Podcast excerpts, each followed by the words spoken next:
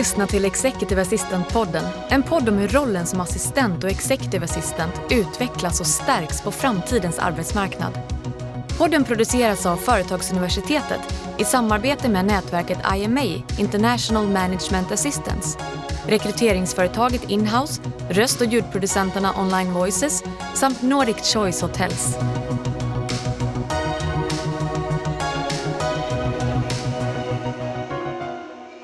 Välkommen till Executive Assistant-podden där vi pratar med världens bästa kollegor om världens bästa jobb. Jag heter Daniel Kjellson och idag kommer det att bli blåsväder, kris och katastrof. Lyckligtvis för oss här så handlar det lite mindre om podden som sådan och mer om dagens ämne. Vi har nämligen med oss medierådgivaren, krishanteraren och kriskommunikatören Jeanette Fors André. Välkommen Jeanette! Tack, vad roligt att vara med. Är det så att du oftast kommer in i en persons professionella liv på dess absoluta botten? Ja, det händer. Och borde jag vara orolig? Nej, för då handlar det också om att lyfta den personen eller organisationen från botten. Och helst så vill jag ju komma in lite tidigare för att undvika att någon hamnar i botten på det sättet och förebygga. Verkligen. Och det är ju så, det här ska bli väldigt intressant. Vi i den här podden, vi är ju chefsassistenter, executive assistants och, och lite olika titlar. Och det är en målgrupp som hamnar i en väldigt speciell sits när chefen eller organisationen hamnar i blåsväder så att säga. Och, och, och, där tänkte jag att vi ska cirkulera kring den vinkeln idag, just det här när man står mitt i stormens öga som, som vi ändå gör, gör här när, när det väl händer, men har inte det yttersta ansvaret. Så liksom vilken, vilken supportfunktion kan man, kan, kan man bli i en sån situation helt enkelt? Just det, ja, men det är spännande. Helt rätt tema. Och vad, då börjar vi, vad är en, vad är en kris? Vad är en förtroendekris? Men vad är det du ser på daglig basis när, när sånt här liksom slår till? Eh, jag brukar definiera en förtroendekris som gapet mellan ord och handling. Eh, obalansen mm. mellan å ena sidan vad verksamheten, organisationen lovar, mm. eh, varumärkeslöftet, värderingarna. Mm. Eh, det kan vara myndighetens uppdrag eller vision och så vidare. Och å andra sidan vad man säger, men framför allt vad man gör i mm. en konkret situation. Mm. Så man kan säga att det är när gapet eh, blir stort, då är mm. förtroendekrisen ett faktum. Och det tar längre tid och det krävs mycket mer att komma tillbaka dit man en gång var. Mm. Eh, men det betyder också att alla kriser är inte förtroendekriser och det är viktigt att komma ihåg att vissa kriser blir inte mediala. Vissa kriser eh, kan man eh, komma stärkt ur eh, och det, blir mm. ingen, det, det, ger ingen skada på förtroendet eller ryktet. Eh, däremot är alla förtroendekriser mm. per definition eh, skadliga. Mm. Eh, och det är de man ska se till att hantera väldigt, väldigt snabbt innan det här gapet uppstår. Mm, mm. Så, så, så, ska man förenkla det till, till liksom, du får slå mig på fingrarna om jag förlöjligar det här, men jag menar, om jag hade kommunicerat att det här är en hållbar podd och rullat den annonsen eh, runt, runt, runt och sen sitter studiomannen här och, och tar en snabb bild på när jag nu sitter och antecknar med en japansk plastpenna som som det säkert har kostat mm. diverse år. Ja, men, och, och, då när det då sprids, då är det det här gapet mellan vad jag säger och vad jag gör, det är det vi pratar om, eller hur? Ja, ja precis. precis. Och jag tycker det är intressant det du säger, för det kan vi ju någon sätt, vi, har, vi kan alla relatera till den typen av kris när vi ser dem på, på, på, på löpsedlar och diverse. Men jag tycker också det är intressant det du här säger, att, att alla kriser och förtroendekriser blir ju inte publika och man kan också gå mm. stärkt ur dem. För det är något sätt så jag ser på ditt jobb i alla fall, inte som en eh, ett, ett stort svart hål eh, som du håller på med, liksom, utan faktiskt en, en, en, väldigt nyttig hjälp. För att jag menar de flesta företagen och människorna vill ju gott, vill jag tro på det. Men sen kan alla möjliga ja. saker hända och att jag, jag ser det liksom som en positiv rörelse. Ja, men absolut. Jag brukar säga till och med att krishantering handlar om att försvara värderingar och löften. Mm. Eh, och, och, det är det som skyddar också ett förtroende. Eh, på något sätt så är det här gapet som jag nämnde mellan ord och handling, det handlar egentligen om att löften bryts. Mm. Och de förväntningar som finns på dig som verksamhet eller chef mm. eh, lever du inte upp till. Och det betyder också att förtroende och det här förtroendegapet finns och uppstår i betraktarens ögon eftersom det mm. också handlar om löften och förväntningar och känslor. Mm. Och det räcker med andra ord att man blir eh, misstänkliggjord. Eh, det kommer kritik, det kommer ett avslöjande mm. eh, för att det här gapet ska börja uppstå. Mm. Du behöver inte ha gjort något fel idag för att det här gapet ska börja uppstå. Det räcker med lösa anklagelser. Och vad det här egentligen betyder det är att det är i inledningsskedet mm. av en, en, ja, en kritik eller granskning eller avslöjande mm. eller en verksamhetskris som faktiskt uppstår innanför verksamheten mm. måste hanteras så himla tidigt mm. i inledningsskedet. Och det är mm. också kan jag säga en av de eh, främsta lärdomarna som jag tar med mig från mm. 17 års arbete med det här. Att eh, det är inledningsskedet av en kris eller medial granskning mm. som de största misstagen begås ja. än idag. Mm, mm. Ja, jag förstår. Då, då är, då där, för där, rätta mig om fel, för där sätts väl på något sätt ett narrativ som det sen kan vara svårt att komma ur? Ja, absolut. Väldigt, väldigt snabbt. Och idag sprids ju också det narrativet väldigt snabbt. Så helst av allt är ju ambitionen förstås att sätta narrativet väldigt snabbt, tidigt. Mm. Men för att göra det så måste vi också ha gjort rätt. Det vill ja. säga handlingskraften är ju den som också bygger idag narrativet. Mm. För en annan lärdom är också att vi kan inte bygga förtroende baserat på vad vi säger utan bara baserat på vad vi faktiskt gör. Mm. Och det betyder också att kommunikationen idag, jag brukar säga att krishantering handlar inte om kommunikation.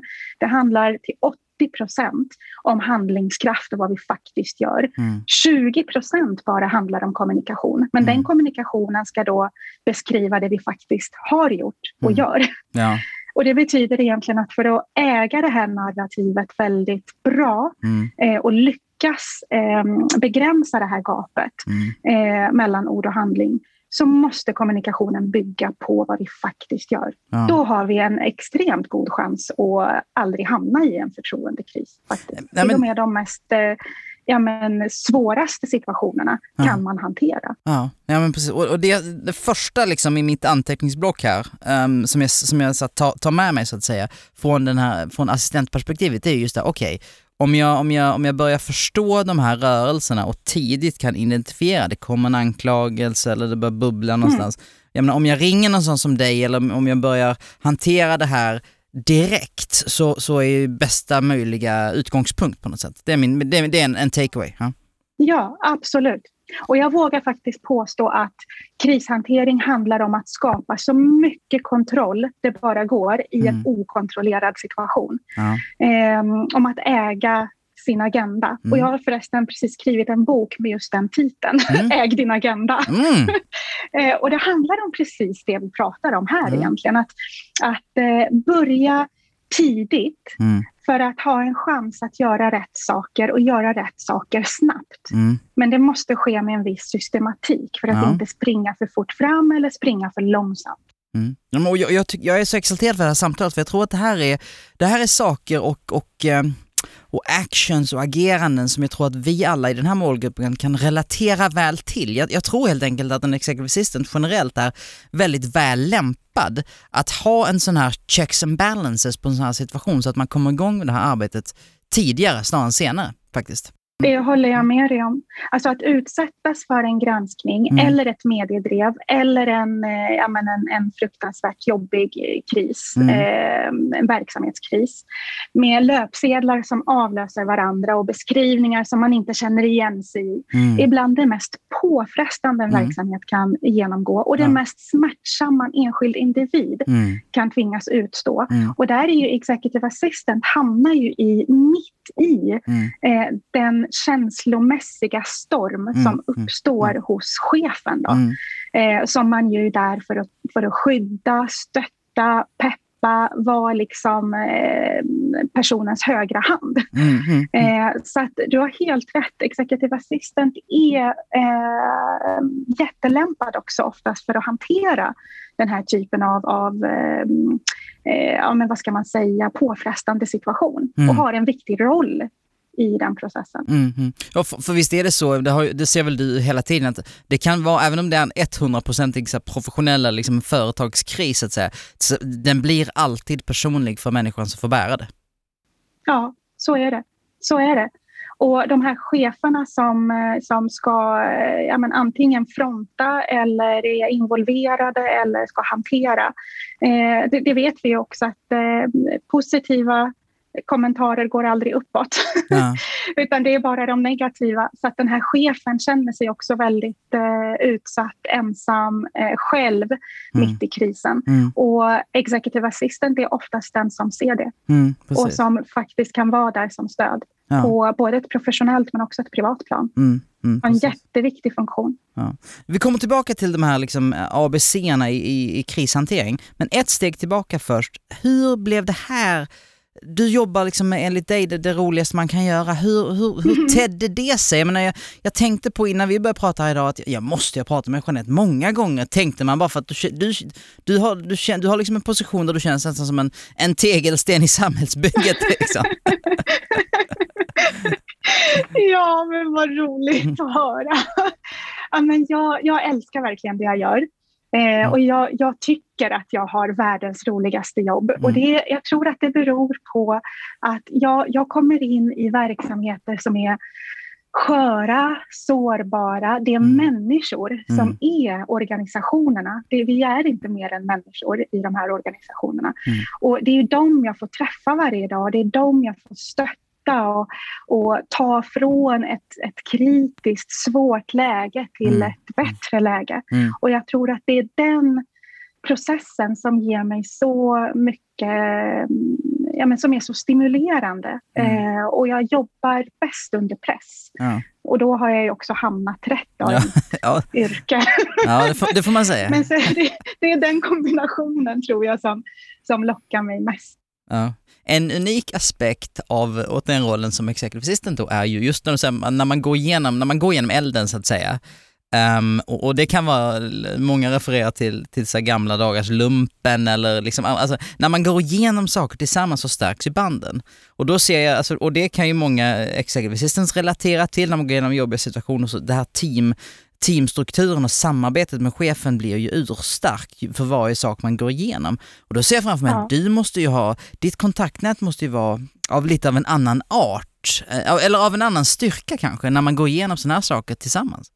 Ja, det är precis det här som är så fantastiskt på många sätt. Att man kommer in i en verksamhet där man kommer väldigt nära. Mm. Eh, och det finns inget annat än att komma nära för att faktiskt förstå det som händer och förstå processerna och mekanismerna. Eh, vad som faktiskt hänt och hur det kunde hända. Och i, kopplat till det så är det massa känslor. Mm. Och apropå det så ser jag ju det här bandet som du beskriver så fint mellan eh, men, executive assistant och, och chefen. Då. Mm. Är ju ett fantastiskt band. Alltså mm. Jag har ju sett det på nära håll mm. eh, men nästan varje dag. Så mm. får ju de här personerna en eh, ja, men banden stärks. Och det mm. blir näst, jag, jag, kan nästan se att den här personen förstår, utan att de pratar med varandra, så förstår executive assistant precis vad som måste göras mm. här och nu. Mm utan ens ett ord ja. så finns det en fantastisk sån där liksom ögonkontakt. Kroppsspråket mm. säger väldigt mycket. Mm. Men att det finns en, ett band som, som faktiskt inte finns någon annanstans. Mm. Det är väldigt unikt på mm. så sätt.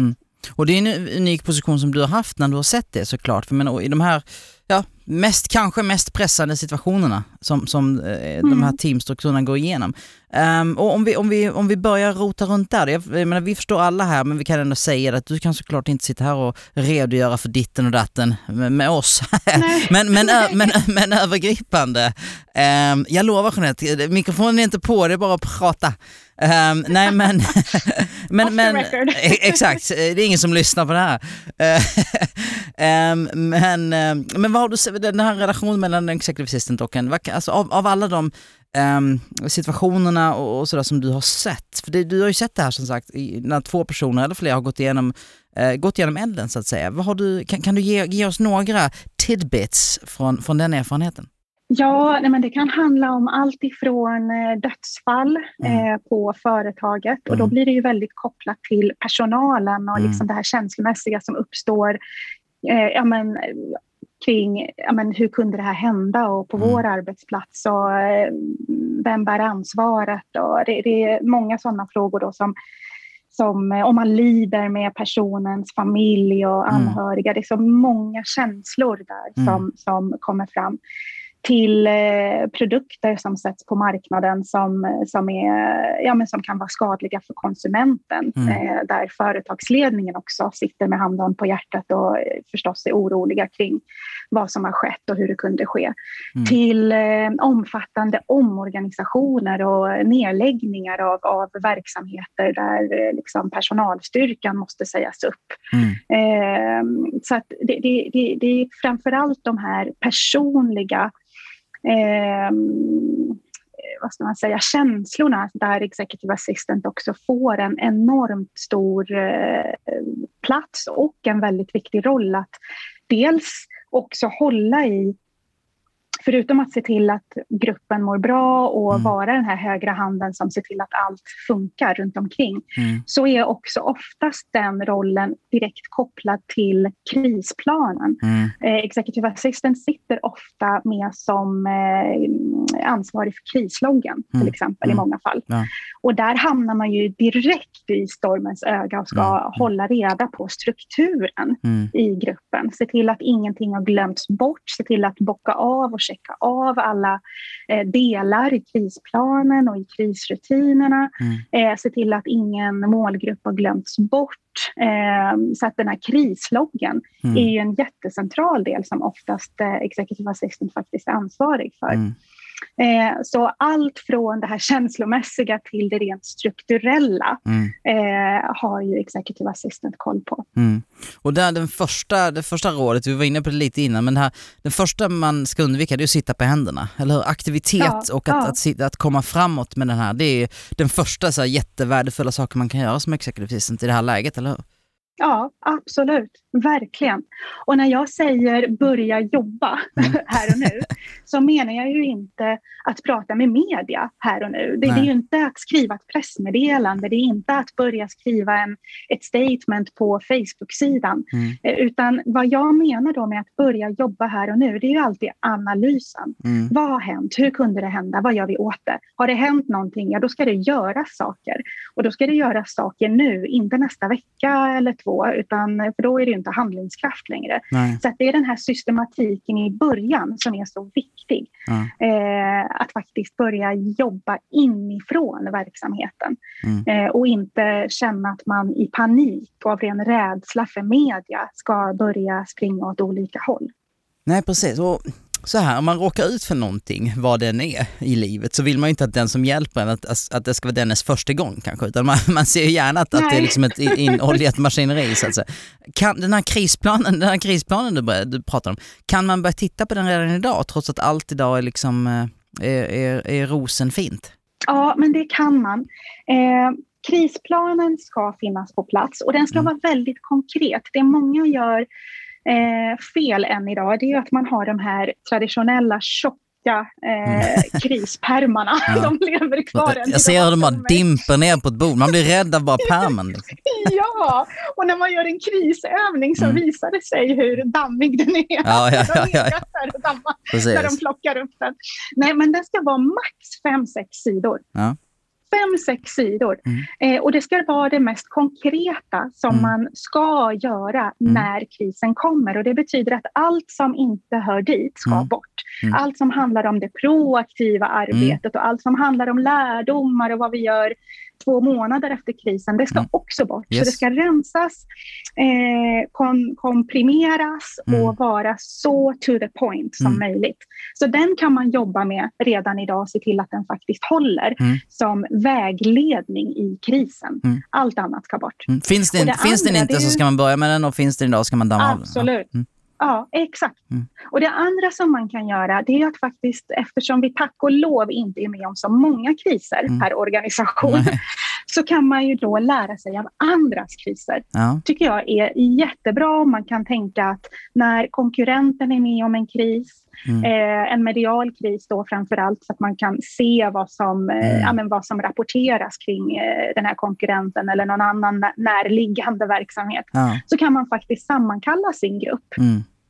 Eh, och ja, men faktiskt dra lärdomar live. Mm. Hur hade vi gjort om det här var vi? Håller våra krisrutiner? Skulle vi fixa det här Mm. eh, med de krisrutiner vi har? Mm. Har vi en krisplan som faktiskt funkar för ett sådant läge Mm. eller inte? Vad behöver vi göra bättre? Och därifrån jobba vidare. Mm. Så att det finns många sätt att lära sig och bli bättre och bättre Mm. eh, än att faktiskt genomlida Ja. en kris själv, tack och lov.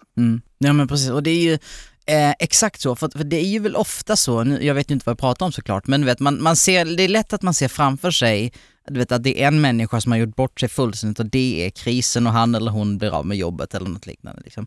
Men, men någonting som man rent strukturellt kan förbereda sig på, det är precis som du sa innan här, nej, men vi säljer de här japanska pennorna och nu råkar det vara så att ett ämne i dem, vi har ingen alls, vi vet inte vad som händer på fabriken i Japan, nu ska jag inte måla ut ett land här, men det st- stämmer mig inte. Nej men förstår du vad jag menar, att det kanske var en produktionskedja långt bort som man inte har koll på och där händer det någonting. Men det är likväl vårt ansvar att nu sätta det igång liksom. Eller konkurrentens då. Det är som du säger, det kan man ju nästan scenarioplanera och träna på som du säger. Ja, absolut. Och sen ska man också komma ihåg att vi är inte felfria. Vi kan inte gardera oss för eh, misstag. Mm. Eh, varken egna misstag eller andras misstag. Och vi kan inte gardera oss för eh, saker som händer i, långt bak i leverantörskedjan. Vi kan ställa höga krav på oss själva och på andra i vår kedja. Men vi kan aldrig garantera att fel inte uppstår. Och det vill jag vara väldigt tydlig med att säga. Fel uppstår. Mm. Och det blir, det uppstår misstag. Eh, och saker som, som man eh, måste hantera helt enkelt. Mm. Men då är ju poängen med, med bra krishantering, det är ju när man kan säga att ja, det här blev fel. Det blev fel av den här och den här anledningen och vi har genast korrigerat det här Mm. misstaget Mm. för att säkerställa att det inte uppstår igen. Och vi gör vårt absolut bästa för att minimera de här riskerna som ju finns. Mm. Så att en stor del av det här är också att inse att vi är inte felfria och vi måste bara lära oss att hantera att vi inte är felfria. Mm. Ehm, För och visst då är, vinner vi ganska långt på det. ja, för visst är det så att, att motsatsen då, att, att gå ut och att, att, att svepa bort eller att ljuga eller att, att göra något sånt där annat eller liksom ogenomtänkt. Visst är det så att det kan, det kan liksom hälla olja på elden och, och göra det värre och värre och värre, eller hur? Ja, absolut. De största misstagen uppstår och de vanligaste misstagen än idag är ju att man bemöter eh, media och kritik och, och granskningar med taggarna utåt med en destruktiv försvarsställning. Kom inte här och rota. Ja, exakt, exakt. Och att man nästan skyller på media för att de ställer svåra frågor Mm. snarare än att hantera sin egen, ja, men sin, göra sin egen hemläxa. Mm. Ehm, och en, en, en, en god approach i det här läget är ju faktiskt att visa en, en inställning där man välkomnar granskningar Mm. och säger att ja, vi har utmaningar och vi jobbar aktivt med dem varenda dag. Tyvärr så uppstår det brister Mm. ibland, men då har vi också rutiner för att hantera dem och komma till botten med, med liksom, ja, men, eh, grunden för, Mm. för de här eh, problemen. Mm. Ehm, så att man måste ju också då berätta att man jobbar med frågan, men vi kan aldrig gardera oss för, för eh, problem. Jag tror att många kanske tror att det finns en myt om att transparens handlar om att göra allting rätt. Mm. Och det är ju inte så. Nej. Transparens är att vara öppen med de problem vi stöter på. Precis. Och, vi, vi, vi, vi berörde så här, medier och mediebilden där kort. Det är ju någonting som, som, eh, som ser annorlunda ut idag och är liksom i en snabbare och snabbare accelererande förändring även, även den industrin så att säga. För jag menar, man ser lätt framför sig den här tv-sändningen eller löpsedeln. Men idag så, så är det mycket mer eh, fragmenterad mediebilden. Så när vi idag pratar om Mm. att saker händer så kan det vara, det kan ju vara liksom en tweet eller liksom en, en Facebook-tråd eller ett forum eller vad som helst, eller hur? Ja, Ehm, absolut. så, så, så hur, eh, hur hanterar man en, hur, eller hur förstår man och hur är man produ- produktiv och, och proaktiv i en sån mediehantering helt enkelt? Mediehantering har ju aldrig varit eh, viktigare eller svårare. Eh, just eh, av den bilden som du också beskriver. Alltså det är tuffare och tuffare och mer brutal mm. Eh, mediebevakning idag. Mm. Eh, och det är mer personfixerat. Mm. Ehm, för att det är det som säljer, det är det mm. som eh, skapar sensationsrubriker och det är det som ja, men skapar de här snabba klicken. Mm. Ehm, och med den här personfixeringen så kommer ju också ja, men mer förnedringsinslag egentligen. Ja. För att komma nära personen och kunna ja, men iscensätta den dramaturgiska processen i, i den här liksom, nyheten eller mm. bevakningen. Mm. Så att det blir mer och mer brutalt för de enskilda som, som eh, drabbas. Ja. Och det där måste man ju vara medveten om för att också kunna påverka hur man framställs. Mm. Det som stör mig, eller gör mig frustrerad oftast, det är när jag ser att eh, verksamheter och de chefer då som, som eh, drabbas mm. eller granskas mm. eh, köper medielogiken rakt av. Mm. Nästan förstärker den här Goliat-skurkrollen som, mm. som man får istället för att göra det man kan för att eh, framställas på ett bättre sätt. Mm. Vi blir nästan eh, omedvetet offer för en medielogik och spelregler som vi själva inte har satt utan som någon annan har mm. dikterat åt oss. Mm. Och vi bara köper det rakt av istället för att förstå att jag kan faktiskt ta mig från den ena rollen till den andra genom hur jag beter mig och hur jag, eh, vad jag säger och vad jag gör mm. gentemot media. Mm.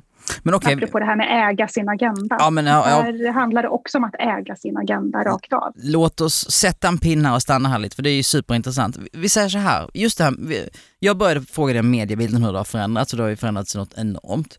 Um, och, och som, som chef då, um, menar, när vi spelar in det här så igår förlorade, uh, i, i, var det en fotbollsmatch och Sverige förlorade mot, mot Grekland. Um, jag tror vi många känner igen oss i så här, men du vet, att man sitter hemma i tv-soffan eller liksom i, i personliga eller andra sammanhang, icke-mediala sammanhang som är de, förhoppningsvis det mesta av våra liv.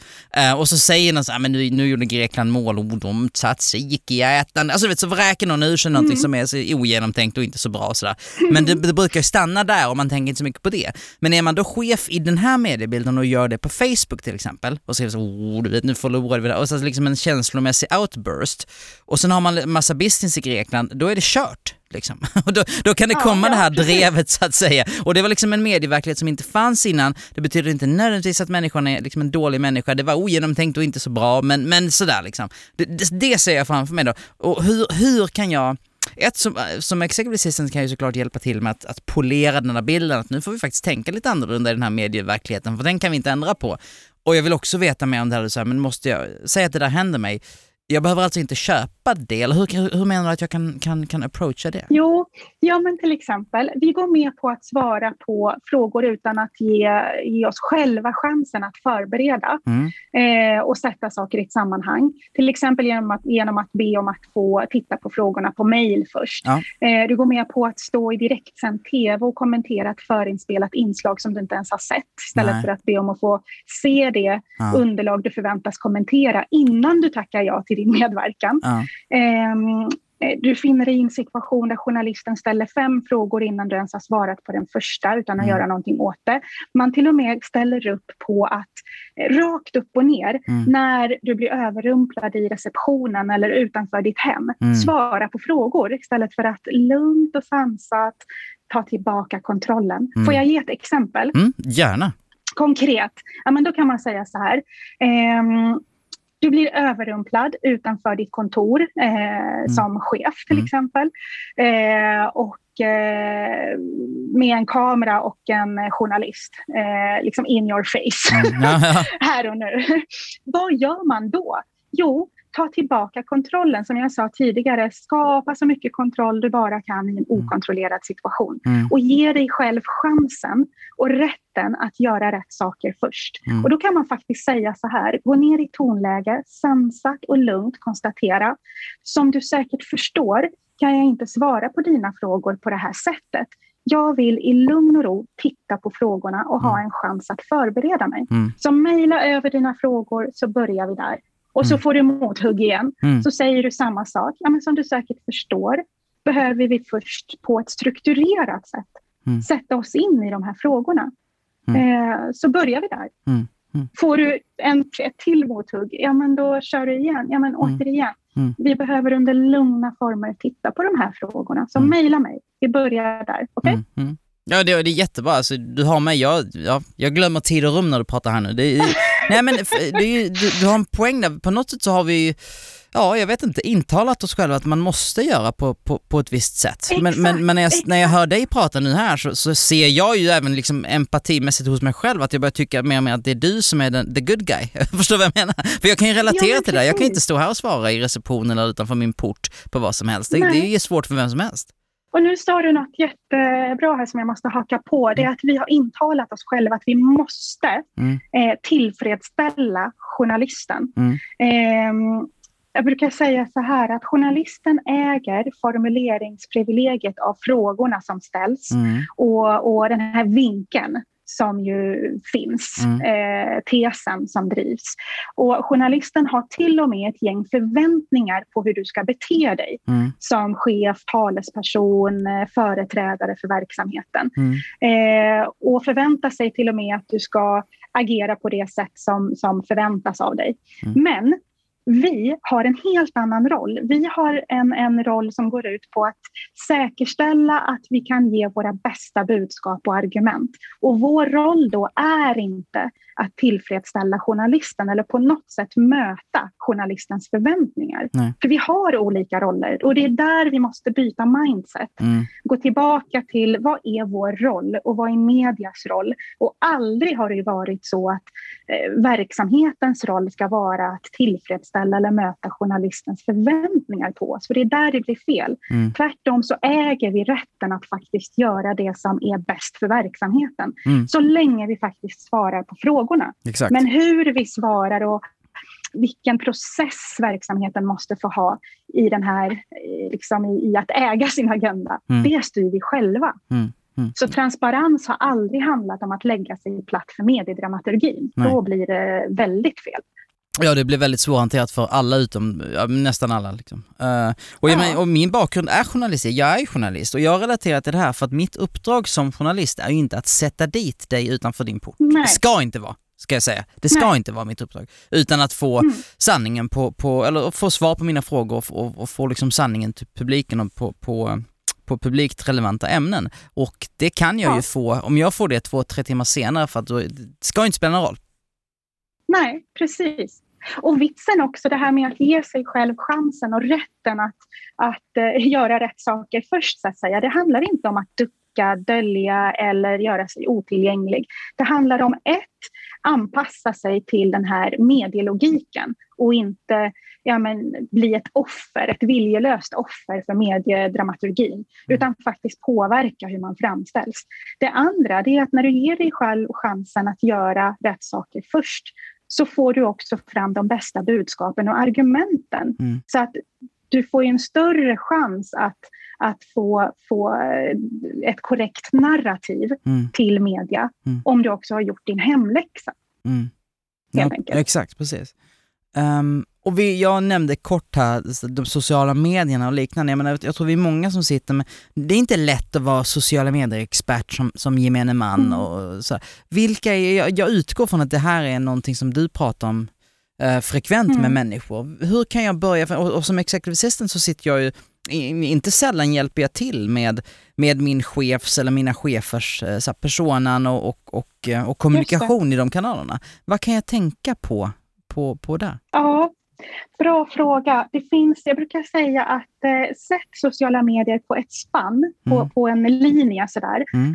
Där eh, på den ena sidan av den här axeln så, så har vi då sakliga diskussioner på sociala medier, sakliga frågor, Mm. eh, människor som ställer frågor, eh, kritik som baseras på någon slags saklig eller en vilja att förstå eh, vad, vad, vad, vi gör och varför det blir fel och så vidare Mm. i en kris. Och på den andra axeln så har vi en eh, lynchmobbementalitet, Mm. en, en, ett drev, en drevmentalitet. Mm. Eh, som egentligen inte kan bemötas med, med saklig grund, med Nej. sakliga argument. För de här människorna har redan i förväg bestämt sig för mm. att oavsett vad vi gör så gör vi fel. Mm. Eh, och det är den här sista gruppen mm. som jag vill att en executive assistant ska eh, sorry, men rakt ut skita i. Mm. Mm. För att eh, man ska inte lägga så mycket tid och kraft på den där lynchmobb-mentaliteten. Man kan tänka sig att de här är 5% max mm. Mm. Högljudda 5 av befolkningen. Mm. Och då, ja, de är högljudda men få. Eh, lägg istället kraften och energin på de 95 som är viktiga. Eh, och då menar jag inte att minimera känslan av hur jobbigt det är att de här 5 procenten ändå hörs så mm. högt. För de kan också vara problematiska och skapa en himla massa problem. Mm. Men problemen uppstår faktiskt när vi oftast själva omedvetet spär på de här 5 procenten. Mm. Det vill säga när vi själva går in i trådarna och försöker bemöta och korrigera bilden av oss och eh, snällt vilja liksom, ja, men vända de här mm. eh, neggo-personerna till, till vår sida. Mm. Eh, men då fastnar vi i en tråd som vi gör mycket, mycket mer synlig för de traditionella medierna. Och det är mm. när de traditionella medierna tar upp sådana trådar som det blir riktigt problematiskt. Mm. Det är då de stora eh, effekterna och konsekvenserna uppstår. Det är när de traditionella medierna, de nationella mm. redaktionerna mm. plockar upp det. Då blir det synligt och då blir det ett problem. Och rätta mig om fel, har vi väl sett oftare under, under någon yep. form av tidsplan? Absolut, det har vi sett ofta. En liten tråd med några få högljudda personer och, och, det får leva sitt liv. Men så fort företaget själva är inne och kommenterar, korrigerar, mm. svarar eller eh, ja, men, eh, personen i fråga själv då ger sig in i den där mm, tråden mm. så blir det synligt i de traditionella medierna. Och mm. då uppstår faran på riktigt. Mm. Spännande och, och fruktansvärt såklart. Skrämmande ja. och allt möjligt samtidigt. Ja, det är skrämmande. Fascinerande ja, också. Ja, ja, ja, verkligen. Jag tycker att det är en eh, fruktansvärt ja, men farlig utveckling. Mm.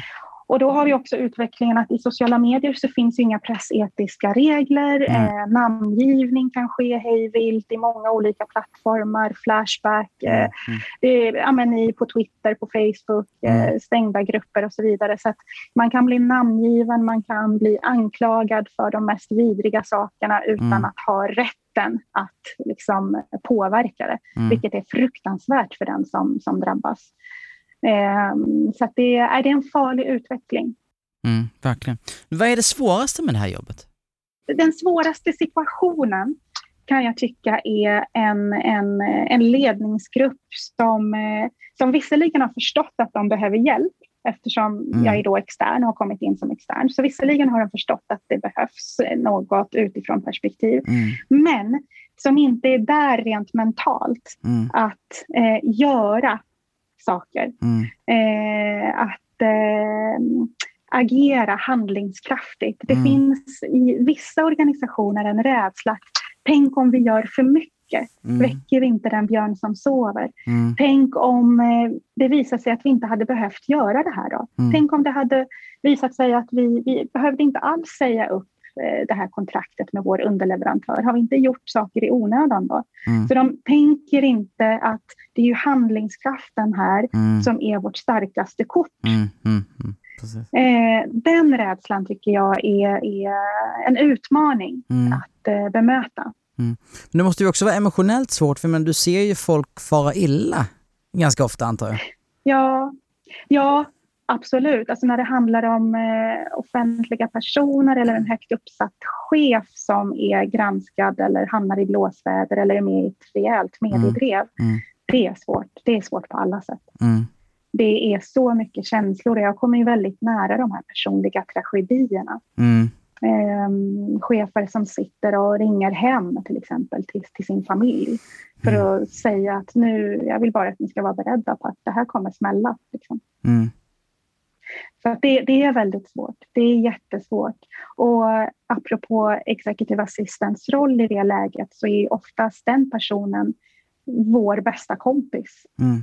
För det är ju liksom den personen då ofta som står stadigt när det blåser. När många kollegor försvinner, familj försvinner, vänner försvinner, mm. ingen vill ta i dig för att man vill inte bli befläckad nej, eh, nej. av det som händer så är det en executive assistant som faktiskt står där stadigt och mm. peppar och hejar och ser till att du får mat och mm. tar hand om dig och går hem i tid, eh, mm, sover, mm. ja, men, har koll Det är fruktans, fruktansvärda stunder såklart. Det, alltså, det, man, det är fruktansvärda stunder. Ja. Det är hemskt. Mm. Men, hemskt men, men, men, då ska vi om går tillbaka till liksom, men värdet, det, det, det sätter ju också lite så att säga, värde på det vi pratar om här idag. Kan man erbjuda, mm. jag menar dels att arbeta med någon sån som dig och också att ha den här executive assistant som, som har eh, genom samtalet idag förhoppningsvis vidare ännu mer kompetens och kunskap kring det här. För att du vet, är man ett ännu bättre stöd i den situationen så är det ju otroligt värdefullt för företaget mm. och för individen, mm. eller hur? Ja, absolut. Och det är därför jag tycker att det är så bra att det nu finns, det finns ju utbildningar mm. eh, som jag också själv håller då för executive mm. assistants. Mm. Eh, för att de ska få hela den här paletten av ja, men, vad gör vi i en kris? Hur kan jag vara ett bra stöd mm. för min chef och ledningsgruppen? Mm. Eh, vad behöver jag liksom ha ögonen på när någonting händer och hur ska jag se varningstecken och hur kan jag, om jag nu är eh, ansvarig för krisloggen, mm. hur ska jag föra den och hur ska jag ta ansvar på bästa möjliga sätt? Mm. Eh, för den delen. Mm. Så att, ja, men, och det är bra att en executive assistant också får bilden av det här medieklimatet vi har mm. idag, att det mm. är tufft och hur man ska hantera eh, ja, men, eh, det här tuffa medieklimatet som vi lever i idag, som också blir allt tuffare. Ja. Så det tycker jag är jätteviktigt för en executive assistant att, att ha med sig, att faktiskt gå sådana utbildningar och mm. bli drillade liksom i, i, i sånt. Mm, verkligen. Du, du har skrivit en sak som jag har burit med mig här, som jag vill, jag vill citera dig så kan vi prata lite om det mm. kort. Um, du, du har skrivit så här. Det som inte prioriteras av VD kommer heller inte att prioriteras av andra. Därför är det VDs uppgift, eller chef kan vi översätta här, eh, det är chefens uppgift mm. att sätta förtroendefrågor och krishantering på ledningens agenda. Det är högsta chefens uppgift att skapa en kultur som tål intern och extern granskning. Mm.